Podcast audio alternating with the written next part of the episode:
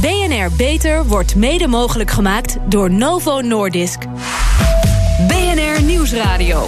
BNR Beter. Harmke Pijpers. Vorig jaar is maar 45% van de meisjes gevaccineerd tegen HPV, het humaan papillomavirus, de veroorzaker van baarmoederhalskanker. Tot voor kort was dat nog 60%. Dat minder ouders hun dochters laten inenten tegen HPV komt vooral door twijfels over het vaccin. Er gaan nogal wat negatieve verhalen rond. Hoe is de communicatie en voorlichting over HPV en wat kan beter? Welkom bij BNR Beter, het programma voor mensen die werken aan gezondheid. Mijn gasten vandaag: Pepijn van Empelen, onderzoeker bij TNO, en Danielle Zandberg hoofd van de medische afdeling voor vaccins bij farmaceut GlaxoSmithKline. Ja, TNO heeft samen met de Universiteit van Maastricht en het RIVM in 2009-2010 onderzoek gedaan naar de communicatie en de voorlichting rondom het HPV-virus en de vaccinatie. Dit is in opdracht gedaan van de Nederlandse Organisatie voor Gezondheidsonderzoek en Zorginnovatie, ZonMW. Meneer Van Empelen, wat is er toen precies onderzocht? Nou, we hebben in eerste instantie hebben gekeken uh, waarom uh, de vaccinatiegraad lager was. En wat eigenlijk de reden waren waar mensen kiezen voor het al dan niet vaccineren. Wat daaruit eh, bleek vooral is dat er twijfels waren uh, destijds. En nog steeds eigenlijk over de effectiviteit van het vaccin. Mm -hmm. uh, dat heeft eigenlijk twee redenen. Dat de effectiviteit van het vaccin zelf, maar ook of er voldoende alternatieve maatregelen zijn. Dat denk bijvoorbeeld aan uh, veilig vrijen, maar ook uh, de screeningen op latere leeftijd. Mm -hmm. en feitelijk ook ja, twijfels eigenlijk die mensen hebben ten aanzien van de mogelijke bijwerkingen van het vaccin. Ja, en, en hoe heeft u dat onderzocht? De, de, de moeders gevraagd? De ouders uh, we hebben de uh, meisjes en uh, de, de moeders, ja, ouders, maar vooral moeders zaten daaronder gevraagd. Dat, en in principe hadden die dezelfde afwegingen daarbij. En dat mhm. betekent eigenlijk dat ze vooral een vorm van ambivalentie ervaren. Ja, ja. Zowel voor voordelen ja. als daarna. Ja. Ja, in 2009 lag de opkomst rond de 60 procent. Maar dat is de afgelopen jaren dus gedaald naar 45 procent. Kennelijk is de bereidheid van ouders om hun dochters te laten inenten flink afgenomen. Ja, dat is dan die ambivalentie. Hè? Maar er is dus heel veel twijfel over uh, dat vaccin. Ik neem aan, want destijds waren de uh, uitslagen of de resultaten van het onderzoek waar ik uh, melding van maakte in 2009, 2010, waren nog niet bekend. Die zijn inmiddels wel bekend, neem ik aan. Ja. En, en daar is overtuigend en goed op geacteerd door het RIVM? Nou, we zien. Uh, je kunt nu in de laatste maanden kun je eigenlijk zien dat er weer een uh, verschuiving plaats heeft gevonden. Mhm. Oorspronkelijk was het zo van uh, ja, het gros van Nederland gaat eigenlijk met rijksvaccinatie in zee eigenlijk akkoord. Dat, ja. En wat je zag daar bij HPV-vaccinatie voor het eerst is dat er ja, eigenlijk twijfels ontstonden.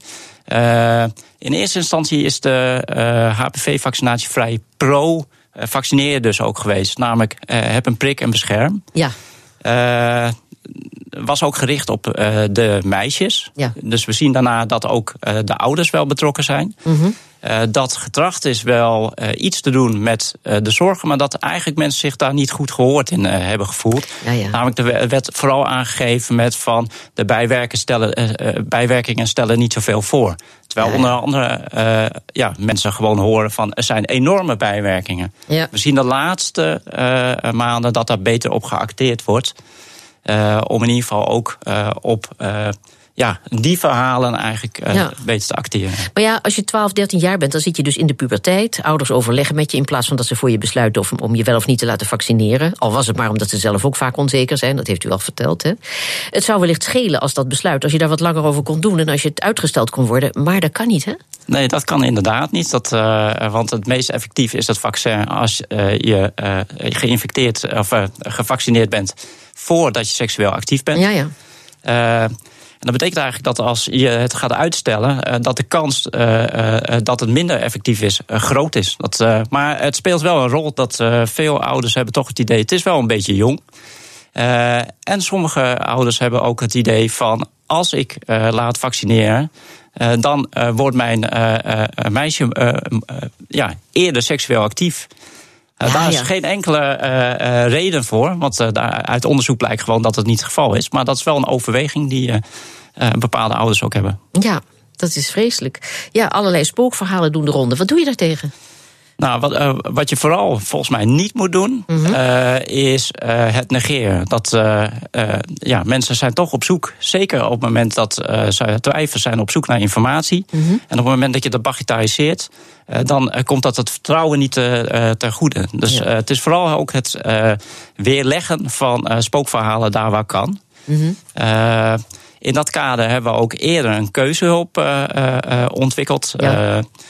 Uh, en dat zet ook aan tot actiever uh, nadenken en overwegen. Dat, want geïnformeerde keuzes mm -hmm. rondom het al dan niet vaccineren is heel belangrijk. Ja. Tot dusver is het zo dat uh, mensen vanuit gewoonte uh, ooit gevaccineerd hebben. En nu dat bijna uit gewoonte niet meer gaan doen. Uh, en wat we willen is dus actieve besluitvorming. Ja. Ouders en dochters, we gaan het nog even hebben over al die informatie. Die gaan ook zelf op zoek naar informatie ja. over HPV op internet. Hè. Onze verslaggever Hugo Reitsma deed dat ook. En zag heel veel spookverhalen voorbij komen. En maakte daar de volgende samenvatting van. Luister en huiver. Internet weet het zeker. Vaccinaties zijn verdacht. They that are whole have no need of the physician.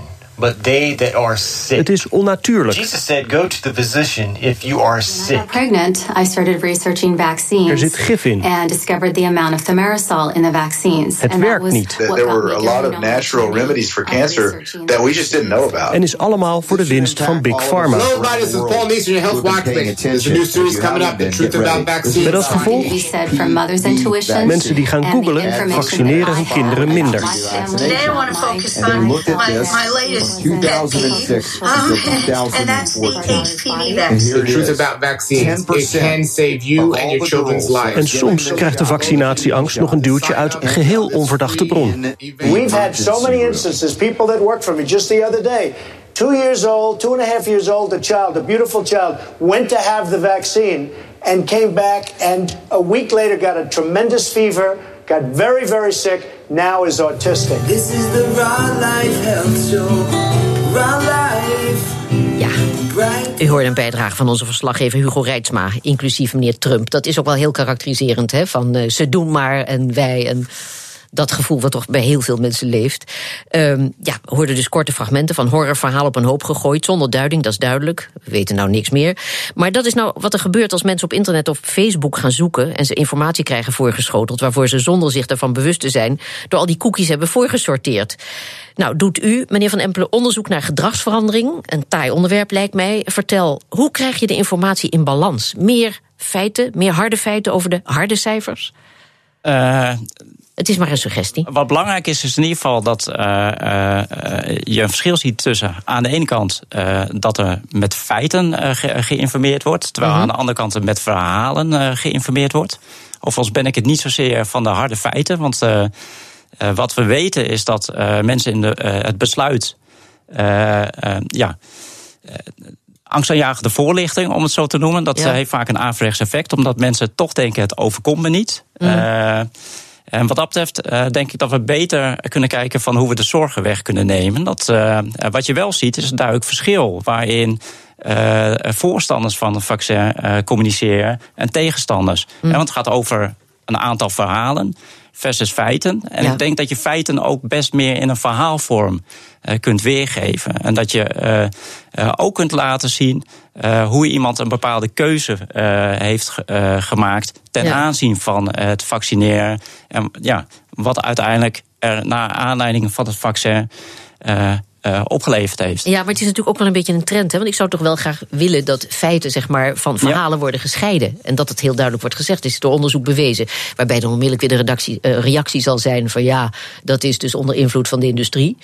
Maar uh, ja, dat gevoel is heel hardnekkig. Maar om het nou allemaal, een, om daar nou juist één verhaal van te maken, nou, ik weet het niet. Dat, dat, is niet helemaal wat ik uh, bedoel. Nee. Ik denk alleen wel dat uh, je de op feiten gebaseerde informatie op een andere manier kunt vertalen. Dat, dan gaat het niet alleen over hoe vertel ik het, ja. maar het kan ook via de, welke kanalen. Hè. Dat, wat je tot dusver ziet, is dat ook in de uitingen. ja, mensen zitten op Facebook, op Google. En de uitingen die zitten dan op een centrale website van de overheid. Dat, dus je moet ook kijken van waar zit eigenlijk uh, mijn doelgroep? mevrouw, ja, mevrouw van Zandbergen, wil ik even een reactie horen op dit uh, verhaal van GlaxoSmithKline. Natuurlijk verdachte hoek, want farmaceuten die hebben een heel slecht imago. heeft u het idee hierover hoe je dat zou moeten aanpakken? Nou, ik, ik denk dat uh, feiten wel degelijk heel belangrijk zijn. Uh, ik ben overigens heel blij om uh, nou ja, ook wel in de media te lezen, want we horen veel spookverhalen. Ja. maar om juist ook wel reacties te, te zien en te horen van vrouwen die op dit moment baarmoederhalskanker hebben, daarvoor behandeld worden, of die behandeld worden voor voorstadia van baar, baarmoederhalskanker. Want dat zijn ook nog wel grote groepen ja. vrouwen die daarmee te maken krijgen. En ik denk ook dat vanuit die kant toch een stukje voorlichting ook wel, wel zal helpen, absoluut. Ik heb die verhalen ook gelezen. Ik was er ook blij mee. Ja. Ja, en uh, voor veel mensen is dat een ver van je bedshow. Uh, uh, het is lange termijn, terwijl ze vaak op de korte termijn beslissingen moeten nemen en afwegingen daarbinnen. Dat, ik, ik, vind dat eerlijk gezegd redelijk onvoorstelbaar. Maar goed, um, ja, de, de informatietool waar we het al even over hadden. Ik heb begrepen dat die pas volgend jaar online staat. Hè? Ja. Maar ouders met meisjes van 12 moeten nu beslissen en hebben het daar vaak moeilijk mee. Ik ken ouders die er kennelijk ook niet uitkomen en die hun dochter van 12 laten kiezen. Wat zou u tegen die ouders willen zeggen? Uh, wat ik in ieder geval uh, zal zeggen is van uh, probeer inderdaad de juiste informatie te vinden. En er zijn goede kanalen wat dat betreft. Mm -hmm. dat, en probeer ook een soort van eigenlijk ja, wederhoort daar waar het gaat om ja, de, de meer enge verhalen. Dat, ja. U, u, wil niet dat ze in die badkuip rond blijven zwemmen nee, van alle verhalen die ze al ja. kennen. Maar ja. wat zijn de goede informatiekanalen? Nou, ik denk dat uh, wat dat betreft uh, de Rijksvaccinatie, uh, dat daar duidelijk heldere informatie staat. Dat mm -hmm. inderdaad komt onze keuzehulp volgend jaar pas regulier beschikbaar. Dat ja. is jammer. maar daarnaast zijn ook bepaalde professionals heel betrouwbaar. Dat, okay. denk aan al de jeugd of de, de jeugdgezondheidsprofessional. Uh, denk aan uh, docenten. Of, Precies, uh, op school. Misschien ja. ook in de biologie, biologielessen. Nou, het zal zomaar idee, inpasbaar ja. kunnen zijn. Ja. Want als het gaat om biologie, dan wordt er al vrij veel informatie en les over seksuele gezondheid gegeven. Past heel logisch daar binnen. Ja, Ik, ik denk dat het wel, sorry dat ik interrupeer, maar nee, ik denk goed. dat het wel ja, goed is om ook na te denken inderdaad over de voorlichting op scholen. Overigens hoorde ik wel van een collega van mij die zijn dochter liet vaccineren, dat uh, de, de, de leraar daar in de klas had gezegd van... ho ho meisjes, wat gaan jullie doen? Nee, jullie gaan jullie helemaal niet vaccineren. Ach. Dus ook daar ontbreekt het, het, aan kennis. Ja, ja zeker. Dat, en uh, dan dat, zijn de feiten echt wel belangrijk. Ja. Nou, dan zie je dat uh, ook de professionals beter moeten worden voorgelegd. Dat, daar is ook... Nou, ik wil nog even naar iets anders doen. Ja? Want wat betreft die ongerustheid van ouders... ik ken ook het verhaal van een vrij verstandige moeder... die beleefd informeerde of de vaccinatie toch niet wat uitgesteld zou kunnen worden... omdat haar dochter de laatste tijd nogal veel ziek was geweest. En die kreeg meteen de wind van voren. U bent zeker tegen vaccinatie. Ja, dat was een verstandige vraag. Maar het personeel reageerde daar niet adequaat op. Moet daar ook niet iets aan gebeuren? Uh, ja, ik denk dat uh, uh, zeker de professional beter moet worden ja, instrumenten krijgen om ja, te vertellen. meer daar RIVM ja, dat op de site zelf zegt, hè, dat je beter de inenting kunt uitstellen als je door ziekte of medicijnen minder afweer hebt. Ze zeggen dan wel ernstig minder afweer of zoiets, wat sterker dan. Ja, dus het is wat lastig om dat te interpreteren. Dat, maar we zien inderdaad dat er vorig jaar dus ook extra geïnvesteerd is om juist ook die professionals te, beter te informeren. Dat, Kortom, er valt op het gebied van gedragsverandering nog een hoop te doen. Het vaccin tegen HPV, het humaan papillomavirus. Wat zit er precies in en kun je daar ziek van worden? Hoort u meer over na de reclame. BNR Nieuwsradio. BNR Beter. Voor de reclame sprak ik met Pepijn van Empelen, onderzoeker van TNO... over de communicatie en voorlichting over de vaccinatie tegen baarmoederhalskanker. Ik ga verder praten met Danielle Zandbergen, u hoorde haar al even... hoofd van de medische afdeling voor vaccins bij farmaceut GlaxoSmithKline. Een van de producenten van het uh, vaccin. Mevrouw Zandbergen, over dat vaccin wordt heel veel geschreven. Vertel, het is nodig, het is nuttig. Wat is het precies? Ja, ik, ik zal even met de basis denk ik beginnen. Waar we het over hebben is vaccinatie tegen een virus, het HPV-virus. Dat kan kan afwijkingen veroorzaken. Dus voorstadia van baarmoederhalskanker. Gelukkig is dat bij een kleine groep vrouwen. Maar uiteindelijk kan dat dus leiden tot baarmoederhalskanker. Dus op het moment dat je nou ja, de infectie al tegenhoudt, dan stop je het hele proces vanaf het begin. En nou ja, wat je met vaccinatie doet, is je bootst als het ware een infectie na. Zonder dat de, nou ja, het meisje of de vrouw ziek wordt. en daarmee wordt een afweerreactie opgebouwd. En daarmee zorg je er dus voor dat die infectie niet kan plaatsvinden. En vrouwen dus beschermd worden tegen baarmoederhalskanker maar en nou voorstadia. Heel veel ouders die besluiten om hun kind niet te laten vaccineren als bezwaar dat het onnatuurlijk zou zijn. Wat vindt u van dat bezwaar? Nou, dat, uh, daar ben ik het niet mee eens. Uh, uh, het is natuurlijk, uh, je geeft nu proactief iets aan een, ja. aan een kind. maar ik zie het zelf als echt het nabootsen van een natuurlijke infectie. Dat is wat je doet met vaccinatie. En, ehm, Zodat het lichaam het, ja, het, je bereidt het virus in het vervolg herkent. Hè? Ja, ja, absoluut. Het is eigenlijk toch het natuurlijke proces wat je, wat je nabootst. Klopt, het is het natuurlijke proces dat maar je nabootst. Maar dan zonder het risico wat een echte ontmoeting, een echte inderdaad, confrontatie inderdaad. met het virus teweeg kan Klopt. brengen. Ja. Ja, want dan, uh, ja, waar hebben we het dan over? Ik bedoel, bij mazelen speelt hetzelfde. Hè? Het is onnatuurlijk, hoor je daar ook. Ja, daar hoor je dat natuurlijk ook. En ook daar zien we dat uh, de vaccinatiegraad uh, aan het afnemen is. Ja. En ik denk dat dat heel zorgelijk is, omdat je uiteindelijk natuurlijk te maken hebt met ook de groepsbescherming die van belang is. Ja. zeker voor mazelen is dat relevant. maar ook voor HPV, als je daarnaar kijkt, ook daarvan weten we dat hoe meer meisjes en vrouwen gevaccineerd zijn, ja, hoe beter de bescherming uiteindelijk ook wel, uh, wel zal zijn. Ja, nu zijn er meer dan 100 verschillende typen HPV, maar het vaccin dat nu gebruikt wordt is alleen gericht op uh, de typen 16 en 18. Waarom is dat zo? Ja, dit zijn de, uh, de types die het meest ja, voorkomen uiteindelijk in baarmoederhalskanker. Dus type mm -hmm. 16 en 18 die zijn samen verantwoordelijk voor zo'n 70% van de, van de kankers bij meisjes en vrouwen, baarmoederhalskankers.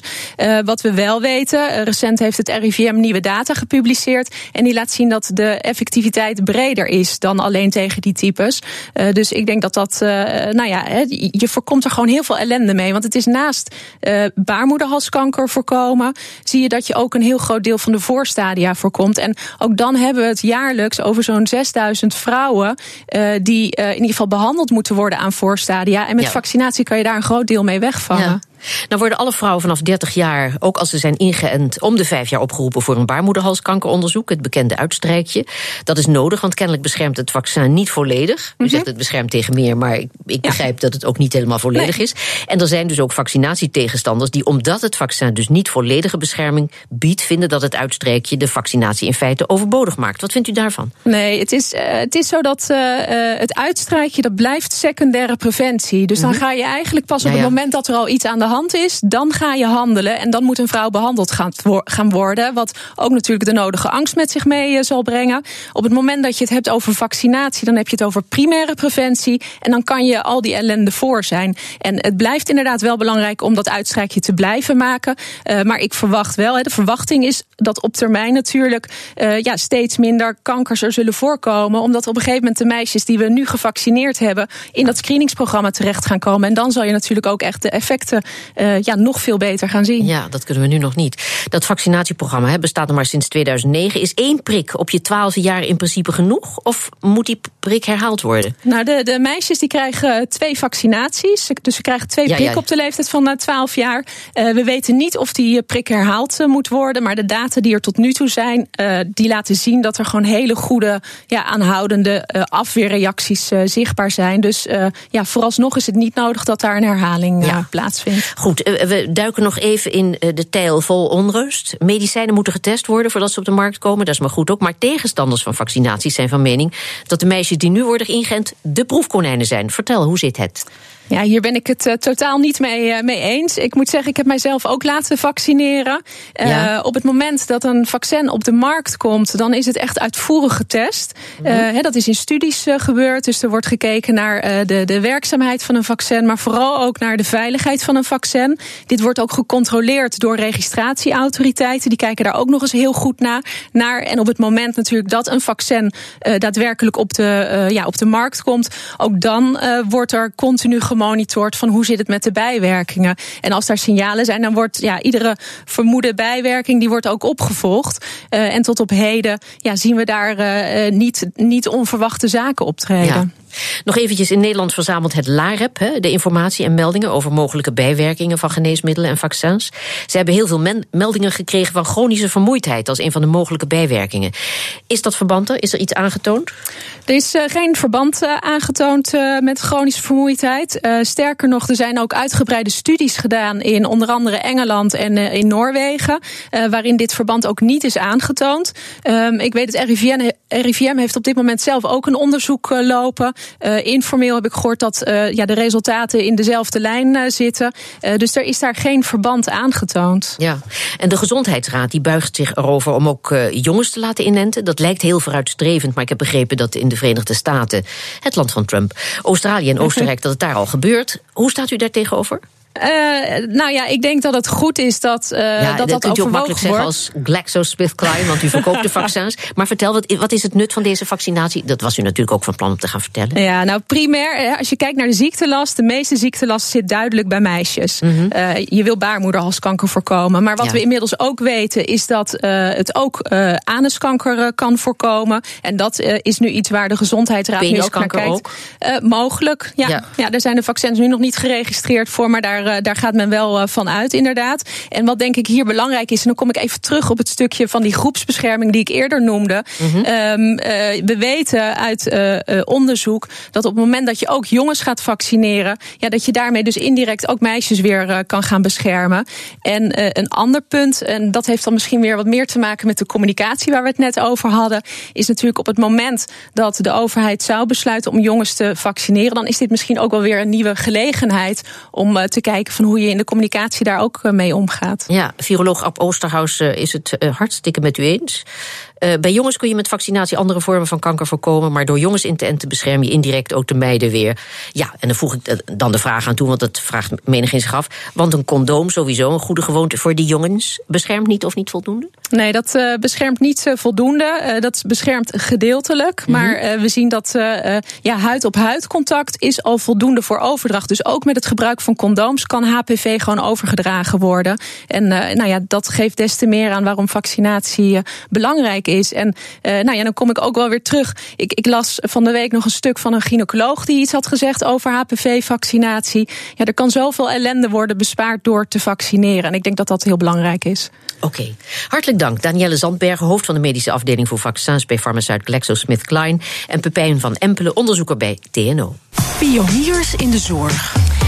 Ja, Kelly Nijhoff, over baarmoederhalskanker gesproken. Een test waaruit moet blijken of HPV-positieve vrouwen... Uh, daadwerkelijk baarmoederhalskanker ontwikkelen of niet. Ja, zo'n test klinkt als toekomstmuziek. En dat is het ook nog. Nog wel, althans. Het wordt een beetje een ingewikkeld verhaal over het HPV-virus.